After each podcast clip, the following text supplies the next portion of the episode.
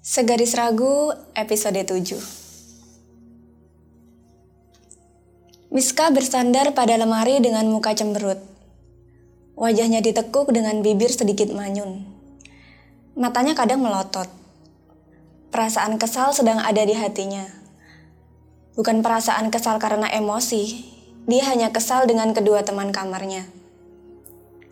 Sementara itu kedua teman kamarnya Rini dan Tika sedang tertawa dengan bahagia di depan Miska yang masih cemberut. Situasi yang sangat kontras antara dua kubu. Kubu Miska yang memasang wajah mendung menggantung tanpa sedikit sinar di wajahnya. Kubu sebaliknya ada Tika dan Rini yang sedang cerah mentereng dengan tawa yang menggelegar. Sesaat suasana menjadi hening. Miska masih dengan muka cemberutnya. Sedangkan Tika dan Rini masih terlihat tersenyum satu sama lainnya. Mereka berdua menahan tawa mereka. Kalian ini tega, ungkap Miska dengan wajah masih cemberut. Kita kan cuma mau bantu, Tika membalas dengan tawa yang masih melekat. Ah, kalian pasti sengaja meninggalkan absen biar aku malu. Miska kembali menimpali. Enggak kok mbak, bukan begitu. Jawab Tika kembali. Kan lumayan bisa memandang Gus Rashid. Rini ikut menimpali menggoda. Hah, selalu aja aku yang kena. Masih terngiang dalam benak Miska kala dirinya masuk kembali ke tempat ngaji untuk mengambil kitab. Rashid masih terduduk di kursi abah dengan beberapa kitab di tangannya. Perasaan malu bercampur aduk dalam hatinya. Tangannya gemetar hebat untuk sekadar mengambil absen yang tertinggal. Miska tidak merasa meninggalkan absen di ruang ngaji. Kedua teman kamarnya yang super usil sengaja melakukan itu. Tepat sebelum membaca doa penutup ngaji, Rini meminjam absen untuk melihat nama-nama. Setelah selesai berdoa, Miska mengira bahwa absen telah dibawa oleh Rini. Tak disangka ternyata Rini meninggalkan absen dengan sengaja agar Miska kembali untuk mengambil absen itu. Ide itu sukses membuat Miska bertemu langsung dengan Gus Rashid. Pandangan yang bertemu sepersekian detik membuat Miska malu tidak habis pikir. Rini dan Tika sangat puas setelah berhasil mengerjai teman kamarnya itu. Udah tomba, cuma gitu doang. Tukas Tika. Halah, kalian enteng aja ngomong. Aku nih sampai tekanan batin. Jawab Miska dengan nada jengkel. Cie, yang siap lahir batin. Rini kembali menggoda Miska. Miska yang berada di samping Rini langsung mencubiti perut Rini. Rini kesakitan dan berusaha menghindari beberapa serangan cubitan dari Miska. Miska tidak mau kalah, jari-jarinya terus mengejar Rini untuk mencubit-cubitnya. Tika tampak tertawa melihat kedua temannya itu. Assalamualaikum Mbak Miska. Dari luar kamar terdengar suara memanggil. Suara itu menghentikan candaan Miska dan Rini. Tika yang masih dalam posisi berdiri dengan sigap berjalan mendekat ke pintu. Diraihnya gagang pintu, kemudian dengan perlahan Tika membuka pintu sembari menjawab salam. Waalaikumsalam, jawab Tika pelan. Tika melihat tiga orang santri putri yang masih mengenakan ruku. Mereka tersenyum kepada Tika. Ketiga santri putri itu masih kecil-kecil, dari wajah-wajahnya, Tika sudah bisa tahu mereka masih santri baru yang baru tinggal sekitar satu semester di Darul Inayah. Dengan senyum, Tika menanyakan kedatangan mereka kemari. Ada apa adik-adik? Tanya Tika dengan lembut. Mau ketemu Mbak Miska, Mbak? Salah satu mereka yang memakai mukena warna biru toska berkata dengan jelas kepada Tika. Oh iya, sebentar Mbak panggilkan dulu. Tika berbalik dan melangkah menuju kamar. Sesampainya di kamar, Tika langsung menyampaikan kepada Miska. Miska yang masih dengan wajah kesal bersandar di depan lemari menoleh ke arah Tika memasang wajah penasaran. Dari wajahnya terlihat pertanyaan besar tentang siapa yang datang. Mbak, ada nyariin tuh, ungkap Tika dengan datar. Siapa? Tanya Miska dengan ringkas. Belum sempat Tika menjawab, Rini sudah menyerobot menimpali. Gus Rashid. Rini menyerobot pertanyaan. Tika yang hendak menjawab menjadi tertawa mendengar celetukan Rini. Diikuti dengan ledakan tawa dari keduanya. Sedangkan Miska semakin cemberut. Hari ini dia sudah diledekin habis-habisan. Namun Miska tidak merasa dendam sedikit pun. Dia yakin kedua temannya tidak bermaksud menyakitinya. Hanya saja memang dia selalu menjadi sasaran bagi mereka. Anak-anak, ucap Tika dengan pelan menenangkan Miska. Miska bangkit dari duduknya. Jilbabnya ia rapikan yang sebelumnya berantakan karena candaannya dengan Rini. Dia berjalan menuju pintu dan membukanya dengan perlahan. Di depan pintu terlihat tiga wajah yang sangat dikenalnya. Wajah-wajah ayu dan lucu itu adalah murid-murid ngajinya. Murid yang selalu dia temui setelah sholat maghrib sebelum pergantian pembagian kelompok ngaji. Mereka adalah Ayu, Tias, dan Rara. Mereka bertiga sengaja ingin bertemu dengan guru ngajinya yang dulu. Mbak Miska! Dengan kompak mereka menyapa Miska. Miska tersenyum kepada ketiga santri putri kecil itu yang saat ini ada di depannya. Ada apa, Dek? Jawab Miska pendek. Mbak Miska, pokoknya kita ingin balik ngaji lagi sama Mbak Miska. Dengan jelas santri putri yang paling depan menjelaskan dengan gamblang, mendadak suasana jadi melo. Mendengar ucapan dari salah satu muridnya, Miska paham dengan apa yang terjadi. Kemudian Miska meminta mereka masuk ke dalam kamarnya. Mereka bertiga diajak duduk di dalam oleh Miska. Para pengurus memang baru saja menyusun ulang guru ngaji. Beberapa santri dipindah ngajinya membentuk grup baru dengan satu guru. Hal ini dikarenakan ada beberapa guru baru. Mereka bertiga adalah santri yang sebelumnya mengaji dengan Miska. Namun setelah perubahan jadwal, mereka bertiga tidak lagi mengaji dengan Miska. Mereka mendapat guru baru. Beberapa protes memang sempat dilaporkan beberapa santri karena merasa sudah cocok dengan guru lamanya. Miska yang mengetahui keadaan mereka kemudian bertanya dengan pelan dan tenang.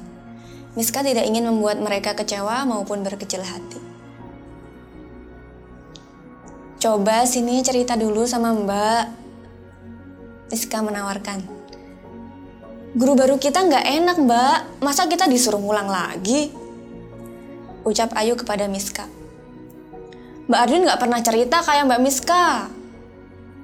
Tambah Tias dengan nada protes menambahi. Mbak Ardin adalah guru ngaji mereka yang baru. Pokoknya kita ingin ngaji lagi sama Mbak Miska. Tutup Ayu dengan tegas. Mendengar muridnya berkata demikian, Miska merasa tersanjung dengan semua yang didengarnya. Tak disangka cara dia mengajar disukai beberapa santri. Dia merasa senang dengan penghargaan yang didapatkannya. Namun, di satu sisi, Miska juga merasa tidak adil jika merubah susunan pengajian yang baru, apalagi sudah disahkan oleh para pengurus dan juga abah. Miska mencoba membujuk santri-santrinya untuk tetap bisa mengaji dengan guru barunya, Mbak Ardin. Ketiga santri putri yang ada di depan Miska tetap ingin Miska untuk kembali mengajarnya. Bahkan Tias, salah satu dari mereka, sudah sedari tadi memegang tangan kanan Miska. Dengan kedua tangannya, Tias sudah menarik-narik tangan Miska. Di dalam posisi terpojok, Miska harus segera mencari jalan keluarnya. Miska tampak berpikir. Kedua matanya terlihat menyepit. Dahinya mengerut. Mulutnya sedikit bergerak seolah mengunyah perlahan. Tangan kanannya memegang ujung jilbabnya dan menggulung-gulung kecil. Setelah berpikir agak keras, Miska seolah menemukan pemikiran yang tiba-tiba lewat dalam benaknya. Miska kemudian memberikan saran kepada ketiga santri yang ada di depannya. Hmm, begini saja. Kalian setelah Isya kosong kan? Tanya Miska memperkirakan sebuah kesempatan. Iya mbak, sebelum jam 8. Jawab Ayu memang dominan dibanding keduanya. Kalau mau, kalian bisa datang ke sini untuk ngaji lagi. Miska menawarkan. Beneran mbak? Ayu bertanya memastikan. Iya, boleh. Asyik, kita ngaji lagi sama Mbak Miska. Teriak Ayu yang sedang gembira. Sedangkan Tias yang dari tadi memegangi tangan Miska dengan semangat mencium tangan guru kesayangannya itu. Miska merasa tersentuh melihat mereka sangat senang dengan tambahan ngaji. Mereka tidak memikirkan istirahat mereka yang terkurangi oleh tambahan ngaji. Dengan senangnya, mereka menyambut ngaji tambahan seolah niat mereka sudah bulat hanya untuk mengaji. Miska melihat dirinya masih harus banyak belajar semangat dari mereka. Tapi dengan Mbak Ardin kalian harus tetap ngaji loh. Siap mbak. Saut Rara yang sedari tadi hanya diam saja tiba-tiba menegakkan tangan kanannya di atas pelipis matanya seolah posisi hormat dalam upacara. Sontak Miska dan kedua temannya tertawa mendengar dan melihat Rara yang tiba-tiba memberikan respon tidak biasa. Miska merasa sangat dekat sekali dengan mereka. Hubungan batin seolah telah mengakar antara dia dan murid-muridnya. Seolah hubungan kakak dan adik kandung yang selalu merindukan ketika berjauhan. Meski demikian, Miska merasa belum bisa memberikan apa-apa kepada mereka. Ketiganya masih tertawa bercengkrama dengan Miska. Tanpa mereka sadari, Tika dan Rini memperhatikan dari pojok ruang kamar mereka. Tika dan Rini selalu kagum dengan Miska. Mereka selalu tidak habis pikir dengan Miska yang selalu memberikan totalitas kepada Darul Inayah. Tidak hanya untuk keluarga Abah, teman-teman pengurus, tapi juga kepada para santri. Mereka berdua tersenyum dengan saling memandang satu sama lain. Keduanya mengangguk memberikan kode sepakat dengan apa yang mereka lihat. Sosok Miska selalu memberikan inspirasi bagi mereka di Darul Inayah. Rini teringat dulu Miska yang selalu menyemangatinya ketika tidak betah di Darul Inayah. Miska selalu mengajaknya untuk melakukan berbagai kegiatan sehingga pikiran kangen terhadap rumah menjadi tersamarkan. Tidak hanya Rini, Tika juga memiliki pengalaman berharga terhadap Miska. Ketika ibunda Tika meninggal, Tika memutuskan untuk pulang dan tidak ingin kembali ke Darul Inayah. Ayah dan keluarganya sudah membujuknya untuk kembali, namun tetap saja tidak mau. Miskalah yang datang ke rumah Tika untuk membujuknya. Miska bahkan menginap satu minggu untuk bisa membuat Tika berubah pikiran dan memutuskan kembali ke Darul Inayah. Kedua orang itu selalu merasa berhutang kepada Miska.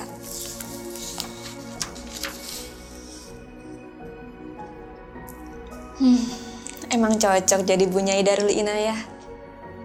Ungkap Rini kepada Tika yang diikuti anggukan dan tawa pelan. Keduanya bersepakat dalam tawanya. Kompak mengiyakan argumen hatinya. Emosi, kesal, marah, dan keadaan lainnya kadang muncul di Darul Inayah. Perasaan-perasaan demikian juga sering lenyap seketika di Darul Inayah. Perubahan hati memang selalu menjadi rahasianya. Sahabat selalu menjadi perantara peralihannya. Dengan senyum manis mengusir rasa pahit. Dengan tawa renyah mengusir amarah. Candaan yang akrab dengan mudah menghilangkan kejenuhan. Peristiwa lucu yang tak terprediksi menjadi obat manjur penghilang emosi. Semua duka hilang ditelan canda. Darul Inayah selalu punya cara menghibur penghuninya. Tidak hanya angin yang berdesir pelan, dedaunan pun seolah mengelus usap pedih yang kadang hinggap. Maka, nikmat Tuhan mana lagi yang kau dustakan? Bersambung. Terima kasih sudah menyimak Segadis Ragu episode 7. Jangan lupa komentarnya.